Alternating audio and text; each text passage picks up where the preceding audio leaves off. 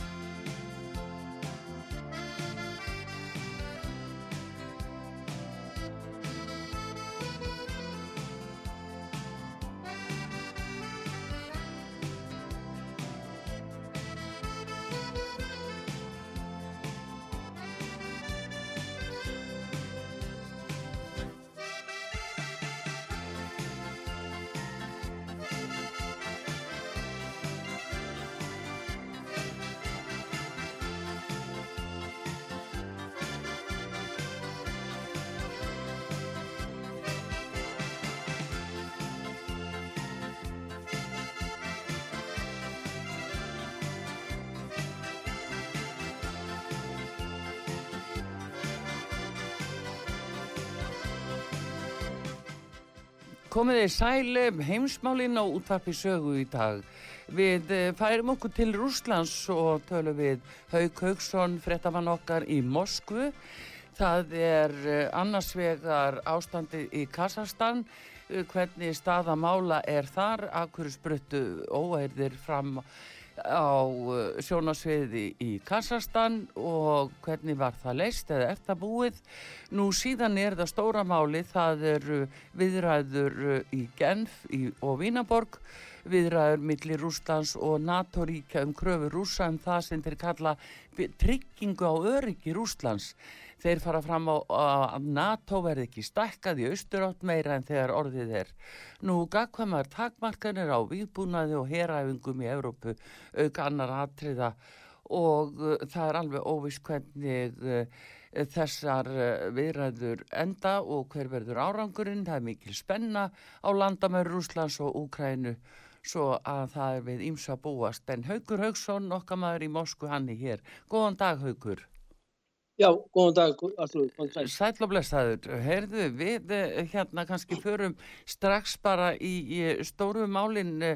Það er auðvitað þessar viðræður sem standa yfir í Genf og Vínaborg millir rúsa og NATO-ríkja og, og, og hérna þessa kröfu um að já, rússar þeir, þeir tala um tryggingu á öryggi, að rússar ger ekki neitt.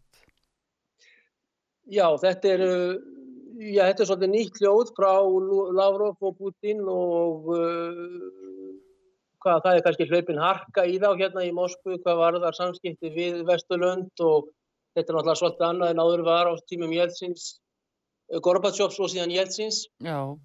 og uh, eins og þú saðir í ágættum ingangi að þá uh, já, þeir telja NATO vera komið mjög langt austur á bógin og að uh, aukning og stækkun NATO til austur sé já, aukn við öryggi og breið í álfunni kannski alveg almennt og síðan ekki síst þá náttúrulega gegn Rúslandi og þá er, eiga, er við eh, sérstaklega Úgrænu og Grúsíu þar að segja Georgiu auk þess. En alltaf ástandið í Úgrænu er þannig að mjög eldfimt ástand með borgarastyrjöld innan lands á milli uh, aðskilnaða sinna má segja og stjórnvalda í Kíf Já. og mikil spilling og óstjórn í landinu og í rauninni er mikil hætta á borgarastyrjöld innan Úgrænu á millist stjórnarhersins og ímissa sveita sem að hann styrkir og fær stuðninga elendis frá líka Já. og síðan frá það úkrænumönnum og almenningi og fólki sem verður fátækara og fátækara og fyrirverandi millistjætt kannski sem er mjög uppsiga við stjórnvöld og annað.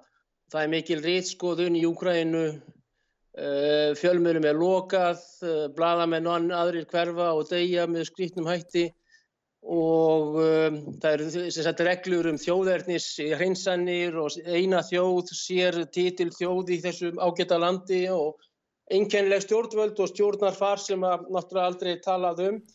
En varandi þetta þá náttúrulega hefur NATO verið aukið og stækkað uh, í fimm bylgjum frá Fallisovjetríkjana þannig að NATO-landi núna eru 30, 30 stykki gegn Rúslandi í rauninni einu.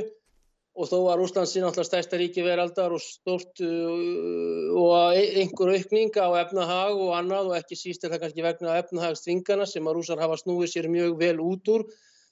Og aukningu á samskiptum við Suðurlönd og, og Östurlönd og Kína sérstaklega að þá uh, hafa þeir sem setta áhugjur af frontinum í Evrópu af uh, þeim aðstæðum sem að upp eru og hafa verið ska, skapaðar með gerfi, þetta er mannsins vinna og mm. vinna pólitikusa og erlendra áhrifa langmestu leiti og ég held að það sé rétt hjá með matið að, að leiðin sem Úkraina var á með hjálpa Európusambansins og NATO og bandarækjana ekki síst og þá erum við að tala um Obama og aftur eru demokrater komnir af völdum og allt þetta er svo litið ógnvaleg og, og hættuleg og svo er náttúrulega þetta ástand sem var við pólsk kvíturúsnesku landamærin.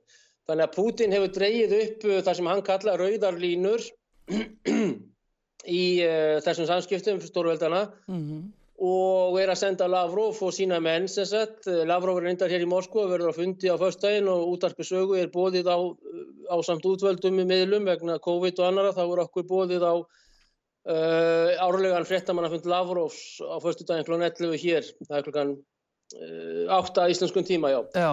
Að, uh, að hann er með sína menn sem sett í Genf og, og Vín mm -hmm. og þeir eru að ræða við uh, sem sagt bandaríkja bandaríska aðila og það er Vendi Sjerman er svo bandaríska, hún er fulltrúi Blinkens og um, Sergei Ripkov er fulltrúin í, í um, Genf og þar voru þeir í gær og fyrirdag, mánudag og, og þriðudag í gær sem sett já tístag að tala við bandarækjaman mm. og í, á morgun þá munum þeir ræða við uh, í Vínarborg, Höfuborg Ísturíkis, þá munum þeir ræða við NATO sem sett 30 fulltrúa væntalega og svo Öse London en Össulöndin eru 57 að tölu vegna þess að Össi er allt fyrir um Sovjetið, Norður Amerika þarf að segja og svo öll Európa, hvort sem menn eru í sambandinu, Európa-sambandinu eða ekki. Já, Þannig að þetta formatið á þessu er þetta, fyrst voru að Rúsland gegn bandaríkjónum, í Genf, eh, einnig stærsti borg eh, Sviss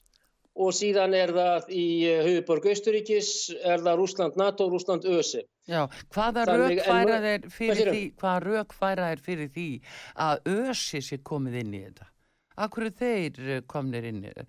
Uh, já, Öryggis og saminustofnun Evrópu, vissulega, en akkur er þeir?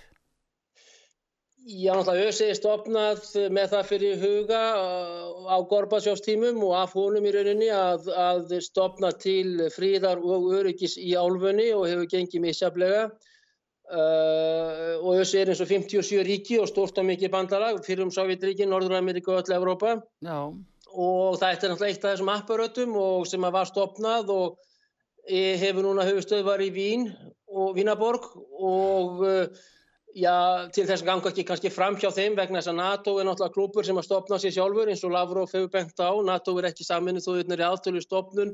ÖSI er það og ÖSI er stopnað af sovjetmönnum, af Gorbatsov og Sjevarnatsi 1990 mm -hmm. og síðan af Baker og Bussum og, og þegar að Baker var og Bussarnir voru fórsetar og eldri líklega og, og allt þetta. Oh. Þannig að hins vegar hefur ÖSI voruð fyrir miklu gaggrinni frá rússum uh, þar að segja sérstaklega í Ukrænu vegna þess að ÖSI er með mikla sendinemdir í Donbass héröðunum mm -hmm. og þetta fólk í Donbass sem er aðskilnaða sinnar að það segir að ÖSI njóstni fyrir ukrænska herin, NATO líða og aðra og þegar ÖSI er á svæðinu þá er aldrei skotið og ÖSI komið síðan með upplýsingar sem að þeir láta sveitir ímsar í Ukrænu og stjórnar henni fá og síðan njóstnarar fyrir þá og þetta og annað en þannig að menn eru ekki á alla eitt sáttir með það að ÖSI sé hlutlaust. Nú mm. ÖSI síndi það kannski í hvað var þar Kazakstan líka, kom kannski inn að það líka en ÖSI er náttúrulega stjórnað af já, apparati í Vín. Vín er ekki í NATO, þar er þess að Austuríki er ekki í NATO. Austuríki fær sitt sjálfstæði 1955, Sovjetherrin tekur Vínaborg, Rauðiherrin síðan er það hersetið eins og Þýskaland allt, austur og vestur og 55 sem sagt að þá með því skilir þið eða allan austuríkismenn þá og þá voru þarna, hvað hétta nú aftur, uh, kanslararnir að þeir ákvaða það að vera hlutlausir eins og Sviss hefur alltaf verið og Svissararnir eru það og þessi, þessar uh, viðræðir fara fram þar. Oh. En össir trúður að þeir eru sem sagt sem Já, stjórnarapparat og, og kannski virt og ekki virt og óvirt stundum og Íslendingar hafa verið hérna hátt settur og annað hafstallana með í þessu diplomatist séð en um, ég átti nú enga viðræður við Maríu Sakarovu í morgun sem er mm. aðstofan mann Lavrovs og hans fréttafulltrúi og uh, því miður var Maríu uh, Sakarova svart sín í þessu mm -hmm. og kannski líka því fleiri fulltrúar, 30 NATO-menn, Ísland vonandi rólegt og skinsamt. Nú uh, Norrmenn eru með nýja stefnu kannski, Anniken Huttfeldt er auðvitaðriksráð uh, þeirra hjá Jónas Ikar Störe sem er uh, meira róleg heldur en, heldur en þegar að um, í fyrirstjórn mm -hmm. Gretur Solbergs og, Ernu, og kannski því að 57-60 manns eru mættarna þá er kannski erfiðar að eitt sé að mal og tala við 57, einn að tala við 30 heldur einnum átti einum eins og var í Uh, Rúslands bandaríkin í, í Vínaborg í gær og, og já Já, uh, sko þeir eru alltaf að lýsa þessu haugur með já. öllum þessum stopnunum og, og, og þjóðum uh, sem er að byrtast þarna það, það er eins og sé sko verið að einangra rússana algjörlega þeir eru bara stendur þeim ekki bara mikil ógnaf þessu öllu það, þetta er allir umheimurinn sem er bara umkringdur í kringu þá Það er alveg rétt hjá þér að mínu mati artrúður að það er verið að reyna að útiloka Rúsland og einangra það út í hotni sem sagt á íþróttaviðbörðum að þá mjög að þeir ekki hafa fána, þjóðsöng, búningana, þetta er allt eitthvað hlutlust og grátt og hvít sem sagt uh, það er blörrað út sem sagt þeirra fáni og þjóðsöngur og skjaldamerki og þjóðerni sem er mjög pólitísk ráðstöfun. Uh, bara með þetta doping er vandamál í Íþróttum hingað og þangað og alls ekki að rúsa sig eitthvað sér í því en það er sett þannig uppgagvart Íþróttafréttamannum sem að gleipa við þessu og trúa og halda áfram þeim áróðri. Nú uh, það er verið að út, útiloka og niðurlægja rúsa og rúsneska þjóðina að þeirra sögn og ég held þessi talsvert til í því og megi takk undir það. Þetta er kannski komplexar og viðkvæmt hjá rúsum aðkunn leiti og þjóðin kannski ásýrt þannig sögu Þeir missa þarna 27 miljónir gegn þjóðvörum og öðrum uh, innrásarherjum og hafa oft vorðið fyrir innrásum og vilja reynir vera með í spilinu og leiknum en gagvart Vesturlöndum þá er Lavrov og Putin eins og ég segja alltaf en það sé var Natsi og Gorbachev og þegar Jeltsin var með sinn ákaflega liðlegan ráþara, Kjósirif héttan sem mm. var nú vinnur Íslendinga að það er allt andur annað hljóð í stróknum frá Kreml og frá Moskvu og frá ráðnendinu á smólenska Plosjat, smólensk Þorgi. Já. Þannig að, e, og þeir eins og við höfum oft sagt á sögu, eru komin miklu, miklu meiri tengsl við Östurlönd og Östurlönd og Suðaustrið og Kínaveldi á sálsögum og eru ákveðin leitist tilbúinir að gefa skýt í Vesturlönd og Vestrið. Þessar refnaðarstvinganir sem eru met, sem að Íslendingar hafa verið fremstir í flokki, að á Sovjetímanum þá var, voru einhverja refnaðarstvinganir og, og svoleiðis en núna er þetta skipt eftir skiptit og skipti og núna er náttúrulega komið Evrópusamband, stort og stert eða á bröðfótum kannski, þetta eru náttúrulega 27 ríki og breytin farin út og allt þetta mm. sem er ekkert um, um, slakara eða, eða latara í því að koma á vikulögum refsækjörðum, misöflugum, oft síndamenska, oft eitthvað að segja, styrkir eins og, sagt, eins og ég hef sagt áður rúsneskan landbúnað útflutning, vopnaframleyslu, flugiðnað, rakettusmíðin er gríðilega sterk hér og annað. Mm. vegna þess að rússar eru rússar og sterk og öflug þjóður með mikla mentun og gríðalega auðlindir og auðæfi og stoltir í rauninni líka Já, án þess en... að vera með einhvern svona sjóvinisma.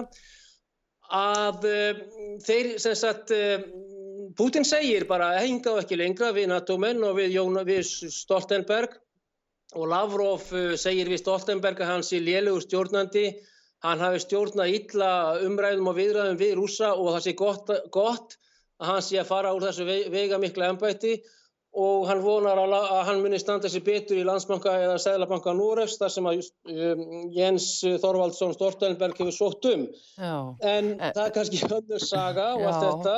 Þetta eru hörðord hjá það. En þannig er bara komin svo mikil personleg spenna og, og það er það sem liggur í loftinu sem er svo nýtt haugur og þess vegna sér maður sko þessa einangurinn sem þeir eru að verða fyrir miða við þetta eru bandaríkinn og eins og bendir réttilega á sig koma natónríkinn og, og svo núna ösiríkinn að sko af hverju telja menn að það stafi svona mikil hætta frá rúsum?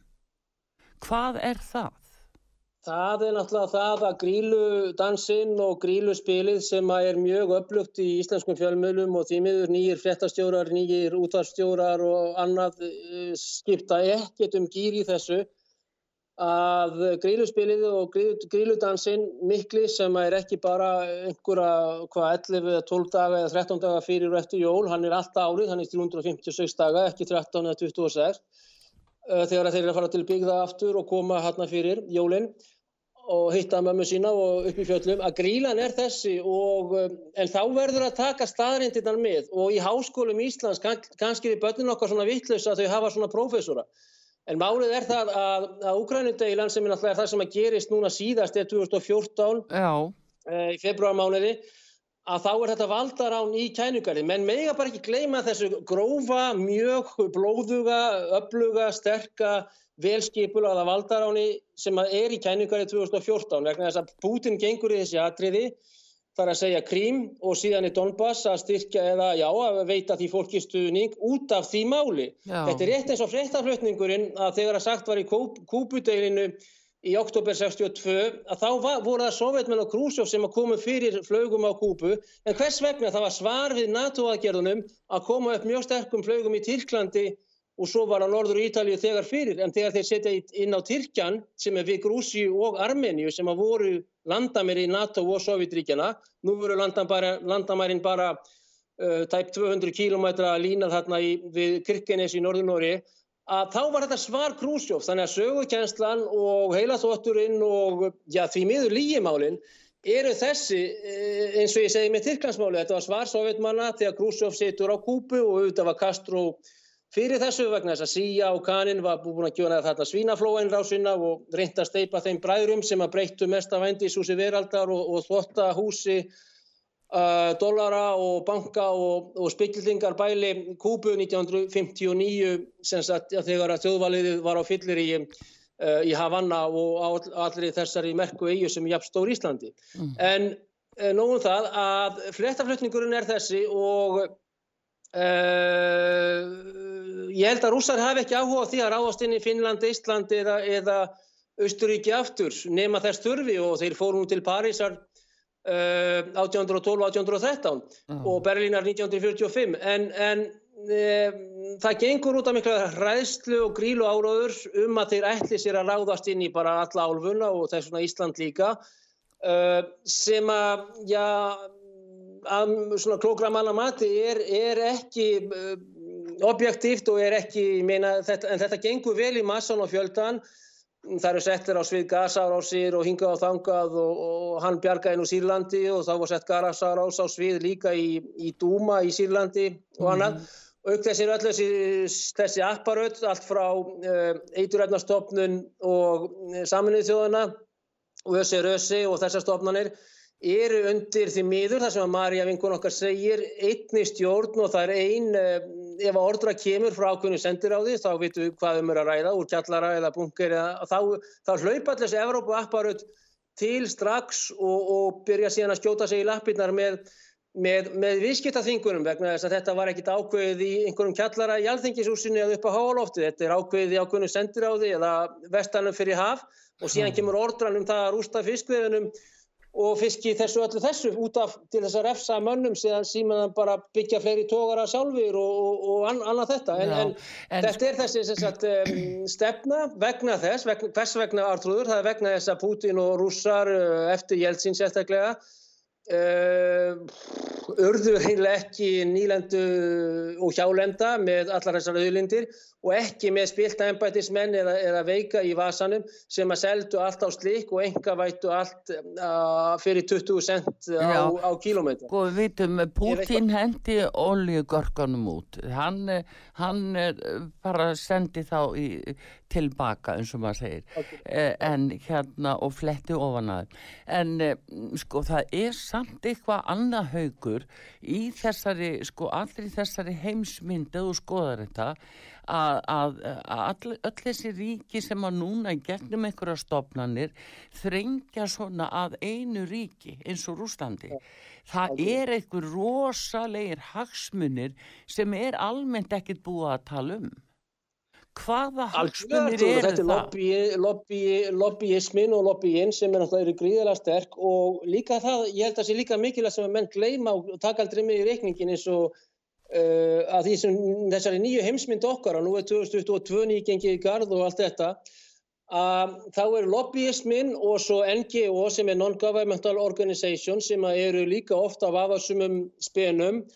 Auðvitað er þetta dýrt, það haldur til skristofum og annað til dæmis í Kazakstan, við komum kannski inn á þá eftir, voru 22.000 NGO sagt, og það er eitt af hverja þúsund íbúa, það er reyndar fleiri vegna það eru 19, 19 miljónir en þessi NGO sem eru Non-Governmental Organization eins og sagt var sem eru ímis, þetta er oft hjálparstofnanir, þetta er oft fond eða foundation, Clinton Foundation þetta er oft sem sagt Rauðikrossin, svona fallegt Já. barnahjálp, hvort sem það heitir ABC Uh, oft er þetta stopnað af uh, og amnesti og svona sem að því miður er það stopnað með fallugum og þetta og fyrstu fimm árin uh, og Greenpeace og annað.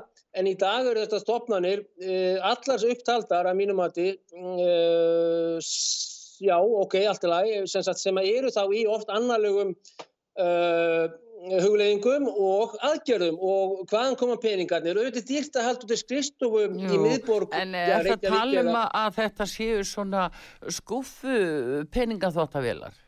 Algjörlega, algjörlega, algjörlega. Þa, það, mm. það er sko það sem hefur sínt sig hérna í Östurvegi og það sem að gerðist í Kazakstan og annað það er það að þessi NGO, þessi hérna stopnarnir sem eru oft fríðar eða, eða hvað sem að kallast eða fallegt að alltaf, þetta er mjög fallin nöfn, falleg logo, mm -hmm. flottar skristofur, keirum í hérna, fínum enga bílstjóra.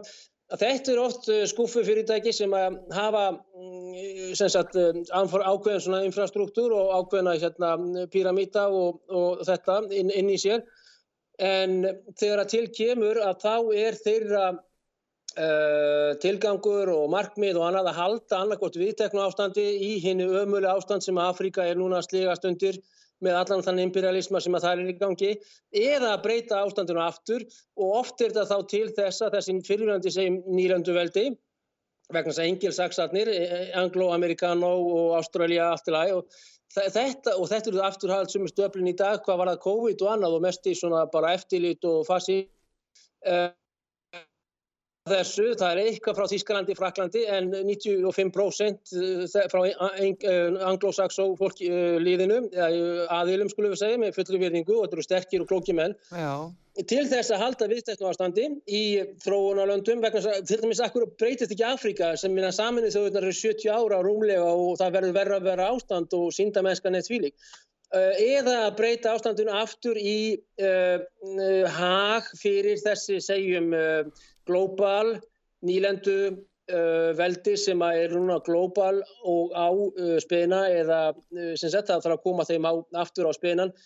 Stór fyrirtækjana sem eru geigvænlegt afl og styr, sterk, styrkjast og styrkjast á meðan að miðstjættin er, er að minka og minka og það held ég sé áhugju efni í vestrannum heimi er uh, og svona menn hafa aldrei áhugjur á, á öðrum löndum og Íslandi síst er þessi gríðarlega styrkur þessara ótrúlegu uh, koncern eða, eða corporation og sem, sagt, sem eru þessi gríðarlega sterku, stóru og öflugu uh, já, enga fyrirtæki sem eru skráð sem sagt á Tortóla eða Kaiman, Cayman, borga Mhm. hverki skatta og eru síðan að rýtskoða og ráða með uh, Big Pharma lifin, með uh, það sem að fólk hugsa og gerir og segir menn eru blokkaðilega á þessari blessari Facebook, Já. Zuckerbergs Jú, jú. og annað ákaflega ó uh, í takt við allan þennan progress og, og, og sem sagt mannkins, það að mannkynni sé á réttri leið, skilur hvað ég meina. Já, já, það eru auðvitað, sko, menn eru auðvitað eins og kongulóa vefir í þessari skattalögu paradís og án allra landamæra og þetta er mikið vandamál og OECD er virkilega að reyna að greiða úr því. En, en bara samt sem áður haukur, það breytir ekki því, það eru einhverju gríðalegir hagsmunni í húfi. Eh, ef við tökum, við nú svona með frettaflutning hann er nú svona svo hann er en eh, þá er alltaf stikkorði þetta. Rússar eru svo hættuleg þeir eru að fara að sprengja þeir eru að fara að skjóta rússar eru að fara í stríð rússar eru að fara að ráðast á. Sko, þetta, er, þetta eru fyrirsagninar en hverjir eru þessu óbáslega hagsmunir Akkur er rússar svona mikið Þeir fyrir? stuttu máli að það tókst ekki að halda Jeltsin rífandi lengur, uh, þannig séð sem sagt, hann var reynda bullandi kostningasík sem ég horfði á 1996 Mm. Uh, hún var haldið lífandi manngreinu til þess að vinna og það var svoleiðis uh, sérugskassarnir fullir af 100 dólarar seglum sem að gengur þar á milli og inn kemur maður í lok ársins 1999 sem heitir, heitir og hétt Putin Já. sem gengur í rauninni út úr þessu skafti, hann er ekki inn á því að engavæða Rúsland til enda. Hann er á því að halda kapitalisma, halda hægri sinnaðari markastefnu og annað. En síðan það sem hann gerir með talsvert, já, klókum og öflugum hætti er það að taka undir sig stjórn ríkisins, ekki ólíkarka og spiltra embætis og ráðgjafa, embætismanna og ráðgjafa og að auka já, sósjálinn innan lands og gera landið ekki sósjálistist, heldur sósjál uh, ríki eins og hann kallar það. Já. Án pólitískrar sósjalisma og heldur með félagslegri og, og réttir þannig auðvitað við þennan sovjetsósjalisma og allt það sem var mjög upplugt og gott kerfi og, og bera hæla og sagt það, eru talað um mentun og heilbreyðismál. Og þannig hann er ekki inn á því að láta fjárstýra sig og, og gerir það ekki sér og þess vegna er hann svo mikið beitur í beinum uh, já, þessar afla sem að núna orðin global og sem að demokrataflokkurinn í bandarækjunum er sérstaklega öflugur í sem að Trump kannski var ekki að, að alveg eins góður stjórnandi með sprotan í því dæmi og vildi það ekki Nei. hann kannski leik þarna fyrstu fyrlu og, og nefndi þessu ekkert eitthvað slíkt og var ekki nema þessi þarna fjögur ár en, en þetta er líka það sem heimsmyndin hefur breyst og það er einn maður sem að breytir þessu. Það er ákveðið kerfi sem að byrjar í rauninu 45 og svo 90-91 þegar Sovjetringin falla. Mm og það heiti New World Order. Já, þá er Klaus Schwab, þá er uh, Soros, þá er uh, sagt, uh, Economic Forum í Davos, helstu auðvalds uh, öflin í heiminum sem er náttúrulega frá Vestur-Európu og Norður-Ameríku, eru þarna samankomin til þess að koma í vekk fyrir það og þetta tekur mikinn kip gegn Putin strax þó hann næra að koma já, upp úr 2005, 2003, 2004 þegar hann næra að koma ólíkörkunum frá, Mhm. annarkort í fangelsi, úr landi eða að verða lojal gagvað stjórnvöldum, Já. Og Haukur, viltu staldra þarna við? Ymmit út á oljugörkunum sem að Putin tekur á 2005 eftir að þeir höfðu komist upp með það að leggja undir sig auðlindir og, og já, auðlindi þjóðarinnar og, og gátu það í tíð Jeltsin og eitthvað Gorbatsjó en að sérstaklega hjá Jeltsin þá gátu þeir vaðið uppi og reynsa auðlindir til sín það er Putin sem stoppar það og hendir þeim og tekur þetta að þeim. Það er algjörlega rétt þar, það er fullkomlega rétt hjá þér og, og, og þegar fyrst og fremst að þeir voru handbendli og vinir manna í MI6, í í, í Wall Street, í eh, Klaus Schwab Já, og þeir eiga, og þeir eiga heilu knaspunufélögin á, Englandi. Já, já, það var Chelsea sem að hérna Roman Abramovich kifti og, og flutti þangað og, og hann átti nú íslenska vini þarna og annað og, og, og þess að það.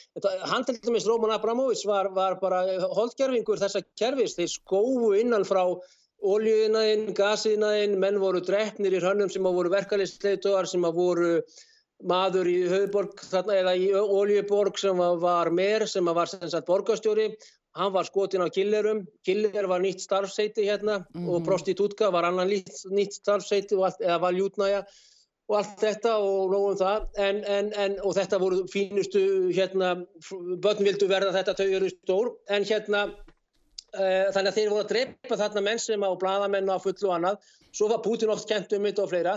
En spillingin var því lík að menn skofuð þarna innanfrá uh, úr þessum sagt, sjóðum og, og, og, og sósjálkerfi sem það var og heilu borgirnar voru á uppbóði á þessu kerfi og, og menn keftu síðan fólkbóltaklúpa, fínasta klúpin í London eða fólkbóltafélagi Chelsea í, í ríklækmanna hverfinu þannig að, þannig að það voru krimmar á krimmana ofan sem að Putin tekur af, tekur frá.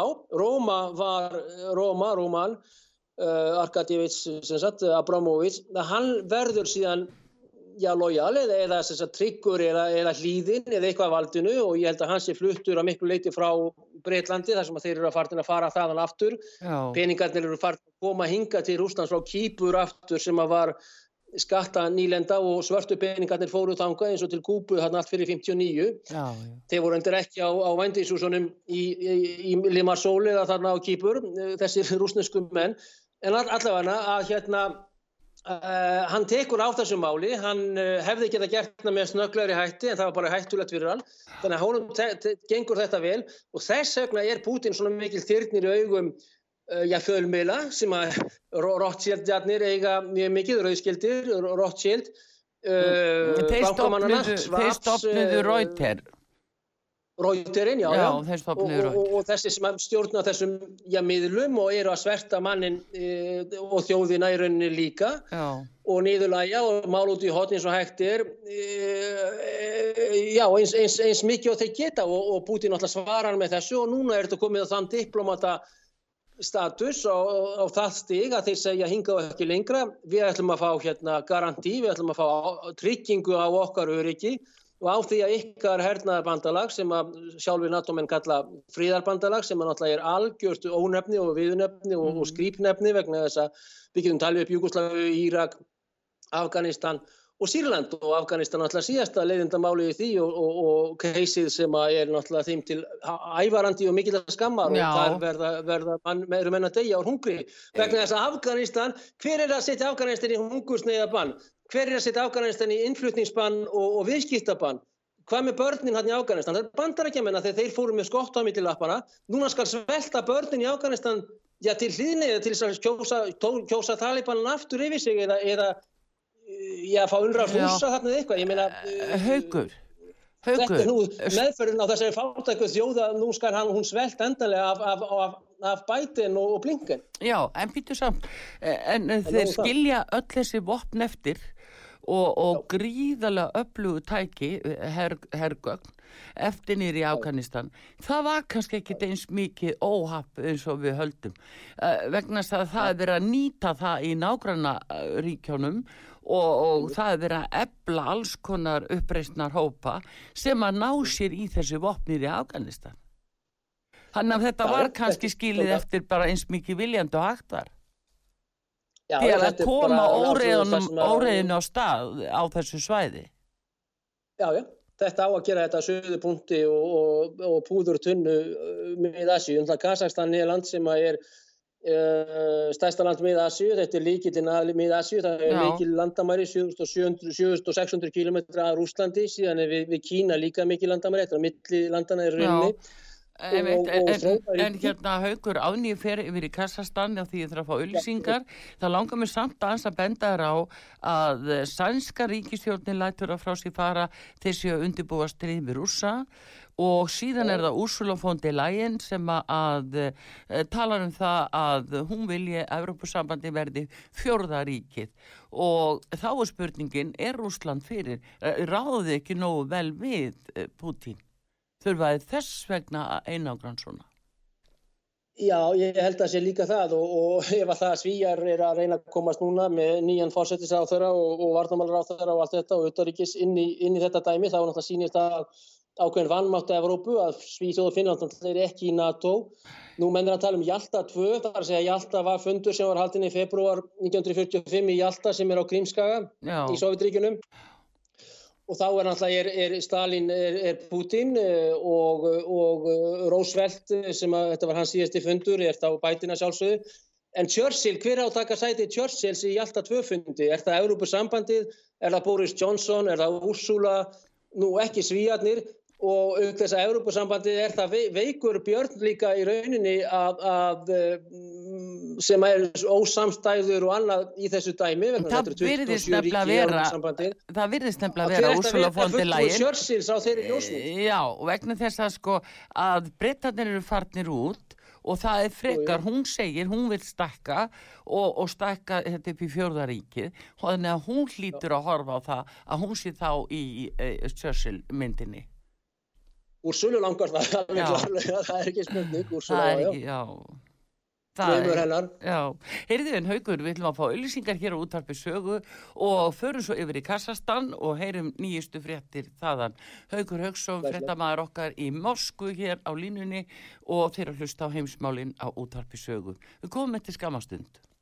Heimsmálinn í umsjón Artrúðar Kallstóttur. Fréttir og fréttatengt efni af Erlendum Vettvangi.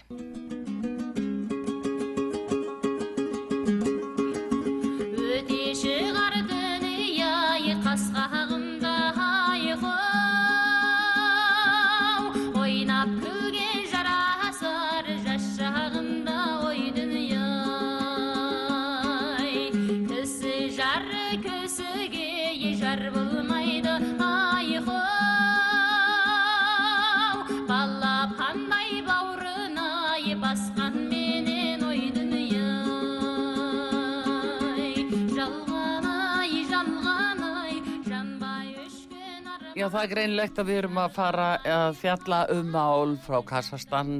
Þetta er eh, tólist frá Kassastan og það er Haugur Haugsson, fréttamaður okkar í Mosku sem er hér á línunni. Við ætlum að heyra núna hvað er að gerast í Kassastan. Sæl Haugur aftur, hvað segir, Já, okkur, hvað segir okkur frá þessu svæði? Kassastan, hátt í 200 manns eh, eru látin eftir mikil mótmæli. Já, og mikil, mikil harka. Strax upp úr mm. áramótum vegna þess að þá tóku gildi uh, mikla verðhækkanir á bensíni eða sem sagt á, á gasi sem er uh, metan og própana mestuleiti sem er uh, notað á bíla þarna fleiri gasbílar heldur en bensínbílar í landinu Já. og ykkur þess að nokkur sem er ekki sagt frá almennt í fréttum og fréttaskeitum það er það að einnig hlutið þessara mótmæla voru út af COVID ráðstofunum ríkistjórnarinnar Já. og fólk var þarna að rýsa upp uh, gegn því að miklu leiti líka. Uh, sem sagt að svipaður að gera þetta í Hollandi Breitlandi, Fraklandi og, og Þískarlandi og annar staðar í Európa sérstaklega þar sem að laurugla tekur mikil hörku á, á þessum uh, mótmælendum. Já, alls á þeim sem eru haugur Er það Bæði bensín og COVID-mótmæltum þeim í stólið Haugur, er það, er það eh, Mörgamuslimum sem eru komnir hérna inn í Kazakstan Já, Haugur, eins og ég sagði áðan, það eru 22.000 uh, NGO, Non-Governmental Organizations í Kazakstan sem mörg og flest bera mjög fallega nöfn. Og þar er uh, George Soros uh, og aðris önnur element og öll mjög sterk. Aukast álsöðu leinið þjónusta frá ymsum löndum, sérstaklega vestrænum löndum og strax eh, á þriðja degi þar að segja um 4. januar að þá eru komnir vélbissumenn, menn eru farin að eh, heyra sem sagt, fólk í Alma-Ata og Astana og öðrum borgum, arabísku og, og um, íranskar tungur þar að segja, arabar eru náttúrulega frá já, Sýrlandi og Írak og þarna og síðan er að turk, turkmennskar eh, tungur þar að segja pústúnar og fleiri frá Afganistan og frá Tatsikistan. Þannig að þá eru öfgamenn komnir sem að voru gengur mjög skipulega til verks þar að segja, það er eins og Lenin sagði 1917 aðalmálið félagar í byltingu eru, eru styrks hlutföllin í höfuborginni. Það er að segja við þurfum að taka brýr, posthús, telegraf og samgöngutæki. Þetta Mhm. segir Lenin sem var klókur skipulegjandi og margir hafa lært af honum. Þannig að þessi öll sem að síðan voru menn þarna með farnir að dreifa orkudrykkjum, hvað heitir þetta nú, einhverjir svona amerísk nafn á þessu. Já, bara, Þá voru ungi menn sem, voru þarna, eh, já, kannski að mótmála bensín, orðnir mjög aggressífur allt í einu út á orkudrykkjum sem að menn fá þarna ókipis úr vörubílum, sem- eða sendibílum sem að koma á staðinn. Síðan fá menn kilfur, skildi, það er ráðist á lauruglustöðvar, það er ráðist, á ráðnýtisbyggingar og fleira og auk þess er þarna einhver áfengisveitingar og, og tóbak og menn reykja þarna eitthvað stert, kannski er, er talið, skulum við segja. Já, Líka, en uh, þá er áðurst það að, að, að, að leggja um þessi stjórnarbyggingar. Uh, KNB er fyrirhundi KGB það er N í staðan fyrir G eh, já, national í staðan fyrir ríkis uh, sem sagt nefnd og ríkis kveikt í, heimilum þingmanna kveikt í þinghúsinu og öðrum og heimilum, Eh, heimilum aðilum. þingmanna. strax og þetta er farið að gerast Artrúður, þá er mjög merkilegar skipa, uh, skulum við segja ordrur eða uh, beðinir frá Brussel og frá Washington þá segja menn í sem sagt, uh, Barrel í, í Brussel og svo Blinken, Antoni Blinken í Washington sem að vissu kannski af þessu og þetta átt að gerast og þetta var gríðalega vel skipula nú þarf ríkið að setjast niður á samt mótmælendum og semjiri nú þarf að semja engar já, þetta eru friðs, eh, allt þetta. Nú, eh, aðalsmerki Ísismanna og Al-Qaida liða eru, já, ég skal bara segja beint út að það voru allan að tveir ungi lauruglumenn, 18 ára strákar eh, afhöfðaðir, það er að segja annarkvort hálshögnir eða skorið af þeim höfuðið og, og þau ultu þarna um stræti, ákvæmlega óskemmtilegt.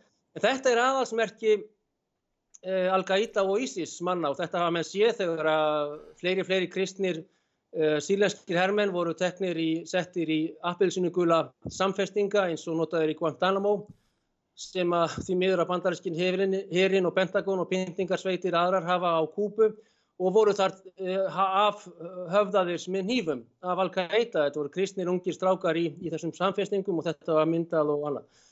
En þetta er aðalsmerki Al-Qaida, ISIS og fleiri og uh, og sem sagt þetta er það sem átti að hafa friðsamlegar og, og annað viðræður við til þess að þetta fólk kæmist í ríkistjórnina. Nú, íslenskir fjölmiðlar ákvæmlega áhugavert að lesa, lesa greinar í einu viktasta blaði í Íslands til dæmis, fórustu greinina og þar er Kassim uh, Shomat Takaev kallaður harstjóri.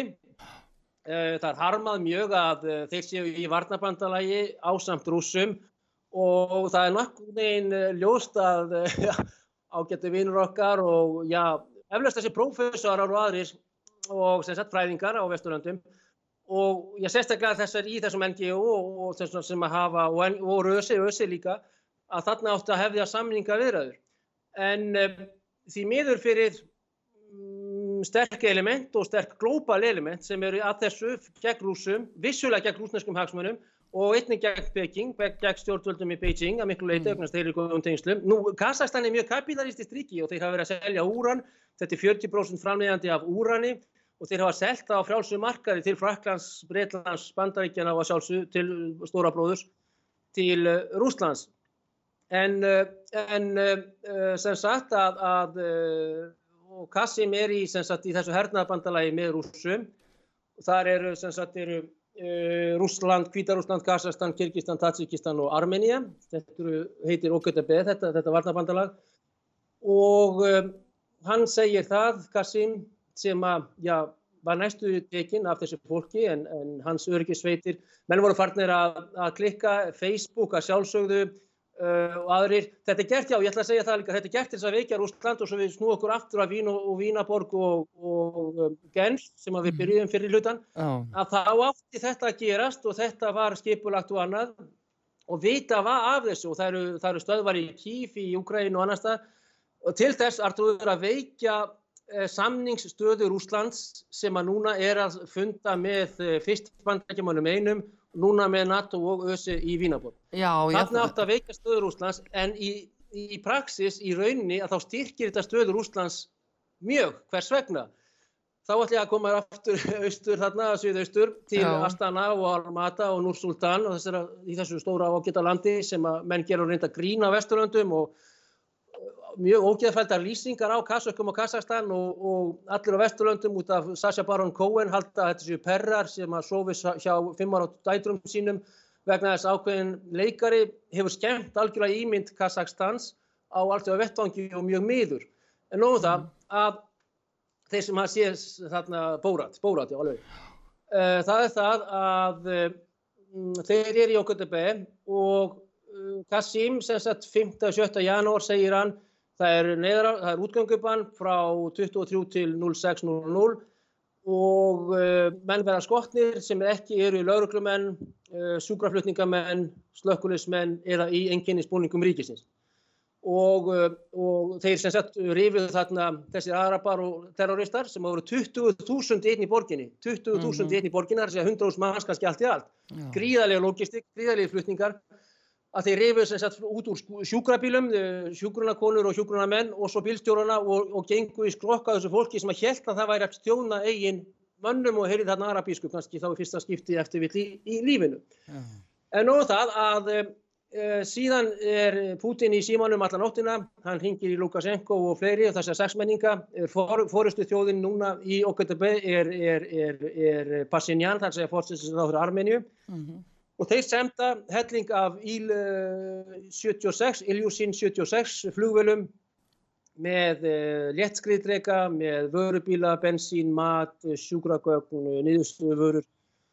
Strax og þeir fara að gera þetta mál að þá náður því sem að ég kalla að koma árauð og reglu sem að Davíð Ótsson eftirvillir ósámála og aðrir góðir ítstjórar og, og Þetta er náttúrulega bara þýðingar úr Guardian, BBC og CNN því miður morgunblæði í dag og metnaður er ekki meiri og hvað, ef maður tala nú um lakaræði mila og rúf því miður sem að skildu áskrift af, að þá um, þegar það útgöngubann líður kl. 06.00 sem sagt um, þann morgunin að þá eru rúsneskir, kvítrúsneskir, armenskir, tatsískir og fleiri kirkiskir uh, sérstaklega sérsveitamenn, þar sé að fallega herrmenn sem er náttúrulega eru bestu sveitirnar eh, komnir á bílum og, og drukkum og jeppum og rúsajeppunum og að setja, geða setja ágötur eh, alls Kazakstans vegna þess að logistikinn var gríðaleg, þetta var miklir herflutningar og loftbrú á, á gríðalega stórum herflutum niður til Kazakstans og þetta Arabalið og Tatsikar og Pústúnar og Afgan, þarna sem að notað var í Afganistan og einhvern veginn samningar og kannski eru Tyrkirnir að sjálfsögðu og, og pakistanska leinithunustan sem talsveit sterk líka í þessu líka að, að, að, að salta þarna í sárin á rúsunum sem að styrkja björnin aftur. En þannig að þannig, það sem ég leiði mér að kalla og hafi það bara einan gæðslappa, mínir óvinnir og aðrir, komu þeir á röð og reglu og sjúkraflutningamenn, lauruglumenn eh, áttu ekki á hættu limlestingar að vera tegnir út um bílum í sínum skildu störfum. Þannig að svona er ástandið þegar þetta gerist og lögfræðilega séð að þá er Kazakstan sömur kallað þetta NATO-austusins og Stoltenberg eh, OKTB hann heitir SAS, SAS, SAS, Stanislav SAS og hann kom fyrst í frettinnar þegar þetta er að gerast. Hann er Já, en, uh, en, en haugur uh, hvað með þær frettir hvað með þær frettir frá hvað með þær frettir frá haugur, haugur, heyrðu. Hefur, hefur þetta lagast. Þa, þannig en að, öðrum korti að Sýnir, það höfðu þetta verið skjálfileg Já, ég segi hérna haugur, ef við aðeins förum að upphafina af þessu aftur að þegar þessi mótmæli byrja, þau byrja umvöla bara hjá almennum borgurum sem er að mótmæla háu verði og sótvartar aðgerðum uh, yfirvalda. Og þá koma óprútnir aðla sem að sæta lægi af því að þarna var komin uh, svona ófriður að þá hoppaðir inn í aðstæður og nýta sér það greinlega en, en ríkistjórnin sprakk, það komi nýrfórseti, nýrfórsetisráður og, og hérinn frá Rú, Rúslandi var sendur inn í landið. Það var sem sagt, Hvað var það? það sem sagt, ríkistjórnin var Kassim uh, Takaev, hann setur ríkistjórnina strax af mm. og uh, hann lætur, að nýri ríkistjórna, hún lætur taka þessa bensinhækkun tilbaka Já. og minka jafnvel kostnaðin eða, eða verðið á, á elsneiti. Þannig að það er sett þess að nýri ríkistjórn strax inn í inn í uh, spilið vegna þess að uh, fórsetaembættið er stert, þetta er svipóð í Rúslandi og Fraklandi og bandaríkjum líka þar sem að fórseta embættið er, uh, stert sem sagt og uh, valda mikið politist sér. Mm -hmm. Þannig að þeir ganga Artrúður sem er mjög áhugavert uh, strax að kröfum mótmælenda og það gerist í rauninni áður en að Íslamistir og, og leinið þónustur allt frá Islamabad sem er höfuborg Pakistans Já, að, að uh, benda morgunblæðin á það að Karachi er ekki höfuborg Kassastans sem að þeir hafa hamrað á einhvern tíman í sumar sem var ótrúlegt alveg að tjekka ekki betur en Islamabad heitir hún sem er inn í landi og betur séð hvað var strategísk og allt til uh, já, kjallarana í, í Denver og annar staðar og þessum borgum þar sem eru aðralegnin þjónustur að þar er hérna uh, þeir ræna þessum mótmælum í rauninni. Og síðan er notuð náttúrulega bæði óanæg almennings og þessi íslamsku element sem ég var að lýsa þeirra við, við, við bráðum mm -hmm. Uh, þau, þau eru ræna þessu og, og svo líka það sem er merkilegt að þar, þá eru menn líka faktor í þessu er uh, QR-kódar, grímuskildur, uh, bólusetningaskildur og annað sem hefur verið í Kazakstan líka. En Kazakstan er og reynir og það kalla menn hérna diktatóra og despota er náttúrulega bara guardian vull sko. En, en Kazakstan hefur verið mjög framsækið og já, vestrænt eða, eða allt þess aftur eða nútímalegt á, á flesta vísu. Og Kína náttúrulega er orðið mjög nútímalegt og Kína sem er, sem er verðandi heimsveldi nummer 1, 2 og 3 að þeir hafa verið í góðum tengslu við þá. En hvað var að þína, Arþúi, spurningu og þá var þetta COVID líka sem að spilaði þarna í, með í óanægu almennings en því miður eru, eru professional öfl, öfl, öfl, eru öflugja í því að stela mótmælum og ræna þeim hreinlega vegna þess að auðvitað vill almenningur ekki, einhvern arabalíð þarna gangandum sem að sker af höfðar uh, embæti, eða fólk í, í sjúkraþjónustu og nei. Já, það er einmitt þetta sem að... Þetta er svona, já, þetta er skuggalegt, en er. En þeir hafa stýrt rúsana enn einu sinni, átt að veikja rúsana, sérstaklega ekki síst fyrir þessi hérna viðræðunar, en þeir hafa stýrt björnin enn einu sinni og þetta er svo í stíl Gunnars Braga Sveinssonar og annara auðla að, að, að, hérna, að þessi skák sem að menn sjá ekki nema einn eða hálfan leik fram í tíman og það að rústa okkar sjávarútvegi og þessu... Uh, ég meina kom svo skipun var þetta ákveðið í alþengisúsin á Östuvöldi nú bara verður þið að vera með nei, og, nei, sem Marja segir þetta nei, er bara þetta var ekki ákveðið diktat frá uh, Washington frá uh, einhverjum uh, skrifstómi í Brussel. Þið verðið með í banninu og Ísland stendur fremst í flokki að rústa eigin hagsmunum og styrkja rúsan fyrir vikið, styrkja björnin já, hann já. er bara í líkamsvægt, björnin er í líkamsvægt hann, er, hann, styrk, hann bætir og bætir lóðunum á á vóiðnar og styrkist og styrkist já. við hennan remping Vesturlanda. En hvernig... Það voru meina að gera með því, að, með því að, að senda þetta fólk þarna út á göttunar Hjalmata og, og Pavlodar og í þessu stóra og merka landið það sem eru margar og fleiri þjóðir. Síðan átt að hefja eitt í þessu líkaartuður, það átt að hefja andslavneskar hreinsanir, svo kallaður, genocid, þjóðurnishreinsanir og reyka rússana endanlega úr landi með þessu auka uh, afli sem eru Al-Qaida og arabískir reyðverkamenn vegna þess að í falli Sovjetsins voru, voru líka svona einhverjar uh, sveitir en, en án utan, utan að koma til aðstæðina og, og, og þar voru sérstaklega í öðrum löndum þarna í, í miðasíu voru sérstaklega þjóðverðnis einsanir svo kallar gegn slöfunum, gegn rúsum, kvítrúsum og ukrænumönnum og öðrum þessum kristnu þjóðum. Já. Já, já, en hvað finnst þið svona haugra síðustu að hérna, hvernig svona andrumsloftið í Rúsland eh, svona á meðal fólks, bara sem þú sér í Moskú til dæmis, eh, hvernig líður því vitandi það að svona mörg ríki eru tilbúin að nánast að gera hvað sem er til að þakka niður í Putin? Þetta er mjög góð spurning vegna þess að menn hérna, ég er náttúrulega bjóð hérna, við búum hér í, í hérna 30 ár og, og það kemur bók eftir mig vendilega út einhvern tíma núna fljótlega og allt þetta og um, um allt þetta gríðarlega sem maður hefur orðið vitnið af. Já. Að 1991 og 90, ég kem hérna 90 fyrst, eða reyndar var ég búin að vera áður hérna eitthvað, æskulismót sem sagt hana, að Uh, þá var gríðarleg virðing gagvart Vesturlöndum, það var gríðarleg menn horfðu með mikill uh, uh, aðdáun ekki anduð, heldur aðdáun á Vesturlönd og vildu verið eins og þeir og vildu komast inn í flokk hérna síðmentuðu þjóða Já. Núna hjá 90% landsmanna hefur þetta ekki endilega anduð orðið sem ég notaði fyrir slýsni áðan heldur Mönnum er sama um Vesturlönd, þeir segja að Vesturlönd sé á vondri leið með uh, diktatúru sem er núna og, og rítskóðun og annað, þá erum við að tala um COVID til dæmis og, og fleira, uh, fjölskyldugildi, það er að segja mamma er ekki mamma, pappi er ekki pappi, það eru 120 kyn, menn skiptum kynins og fatnað, eitthvað svona sem sagt og, og kallaði hægri sinnum öflum kirkjunum og fleirum og þjóðveitin sinnum úrkynjun vesturlanda sem að menn allavega þykist af eitthvað fyrir sér í því að síja á rángri leið í ymsum málum og veikingu sem sagt, þá er þetta fjölskyldan, fánin, þósingurinn, þjóðinn, ekki þetta alþjóðlega internasjonal sem að núna er komið og menn eru mjög andu já, gegn þessum hérna, globalisma sem er í gangi já.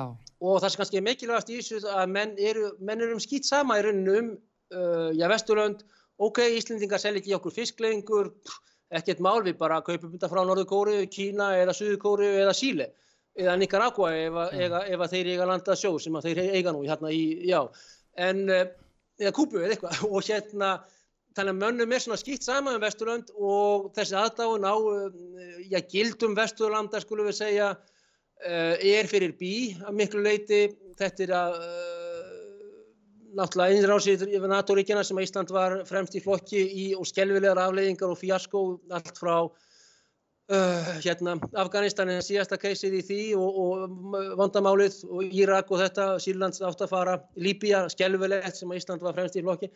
Að menn sjá svona uh, hræstni, brot og alþjóðlaugum eins og mennum hendar og það kannski að síðustu aðtrúður það er það að menn binda enga vonir við, eða littlar og eins og Marja saði í dag við mig að menn byrja litla vonir við fríðarumlítanir eða samningaumlítanir sem að rússar vilja og vilja fá þetta garanti. Já. Þannig að þeir fara þá í það að leita sér annara bandamanna. Þá er áttalega um Íran og Kína til dæmis. Írak er að reysa upp, bandarækjumenn eru þar að dæla ólíunni með spilta einræðistjórn og á 5 dólarar tonni, eitthvað svona og, og fleira. Þannig að mannum er slett saman um þetta og það eru margir sem búast við átökum og ég held að það verði átök uh, því miður að, að það náist ekki að það eru bara það sterku upp til dæmis í Ukræni sjálfur sem að vilja halda uh, völdum og vilja draga aðra með sér í fallinu. Þetta er svona sjálfsmorð Já. og þeir vilja fá sem flesta með sér í fallinu. Þannig að, uh, og það er alveg hægt vegna þess að þeim er haldið upp í þessum stjórnvöldum í rauninni í óþökk, já ég held meiri hluti ókrænsku þjóðurinnar sem er rússara halvu, halvu leiti og, og talar málið og öll þessi fjölskyldu tengls og menn vilja fyrst og fremst, já, góð samskipti, viðskipti, business og, og, og díalóg sem sagt, að menn sé sambandi. Uh, þessi einangrunar öll eru sterk og við verðum bara að vona það að uh, nýjir ráðherrar og nýjir uh, ráðamenn okkar séu rólegir og skinsamir og og annað um, og ekki leiðitamir um of. Nei, Já. en einmitt af því að, sko nú er Putin búin að segja það að ef að það verði ráðist á rúsana uh, í östur Úkrænu að þá muni Já. þann ekki sagt að segja hann muni breðast við. Er líkur á því að stjórnvöld í Úkrænu Bellinis uh, ráðist á rúsana þarna í östurhutanum? Já, til þess að koma þess á stað. Þá heldur Selenski völdum, held, hann heldur völdum og verður vinsætli hjá einhverjum 5% í viðbút, kannski þá verður 35% allt í allt. Hins var eru heilbrið upp þetta sem vilja bara samvinnu fríð og, og dialog, samskipti við rúsa og ekki síst fríð vegna þess að, uh, já, og, uh, og auk þess að þá uh, færa meiri styrki og þetta fennu allt 90% fyrir í Vasa aftur til banka í Svissi eða einhver staðar annar staðar og í stólið, þetta er ótrúlega spilling þarna í landinu þannig að það er mjög auðvelt með þau öfgu öll sem eru núna í Donbass svæðinu að koma á styrjöld. Menn vilja þessi öll sem að bankarnir og aðri þeir vilja og þeir þurfa stórt stríð minni stríð á 10, 15, 12 ára fresti 5 ára fresti í minstalagi og þetta er nokkuð sem menn er að stefna að glóbalöflin og ætla sér að gera. Og þau eru mjög enginlu sambandi og ástarhatur sambandi sína milli en þetta er sameinlegur hags, hagsmunir uh, þeirra mjög miklu leiti og uh, því miður er, er að mínu mati mjög hægt að þetta gerist og muni gerast og það að steipa Rúslandi í erfitt, langvind, blóðugt stríð þarna í Ukrænu er, er, er, líklegt og því miður en mm. þá er það alveg klárt mála að, herráðið, Sjöygu og Gerasimov að þeir fara þá í 20, um, styrjöld 21. aldarinnar og þá verður fyrst og fremst lögt á GPS og GMS, mm. uh, rafmagn tekið af og svo verður þá sem sagt uh, þær sveitir sem að þegar eru komðar á þessi svæði að það, það, það, það er lenda í vondumálum menn ná einhver leiti að svara fyrir sig uh, með landhernaði, með fótgöngulegðum og öðru en rúsar eru það sterkir í, á teknilega sviðinu og hafa það mikið sympati eða mm. samstöðu innan almenn, almennahersins og innan uh, fólks sagt, í Úgrænu sem að vil heilbreyð og uh, bara samskipti en ekki einan hernað. Auðvitað eru nazistar og fasistar og alls konar dæmi Já. en meiri hluti manna vil, uh, ég meina það verið að kalla konur frá átján til 60 í herin. Mundið þú farið í her að drepa maður sýstuðu? Já, já, já, já ekki málið. Nei, ég menna, það er von á öllu það er von á öllu Heyrðu, en við verðum vilja að enda þetta núna en, en eh, það er allavegna mikið lóvisa um það sem tekur við og hvað kemur út þessum fundunir í, í Vínaborg og, og Genf. Það, þannig að, að það er alveg það er alveg óljóst hvað verður. Við höldum áfram að fylgjast með þessu og þakkuðu kella fyrir þessa innkomu. Aukur Auksson, fréttamára okkar í Moskvu Takk Artrúður, bestu guður. Já, takk fyrir. Artrúður Kallstóttir, hver ykkur úr heimsmálunum að þessu sinni? Tæknimaður Davíð Jónsson, verðir sæl.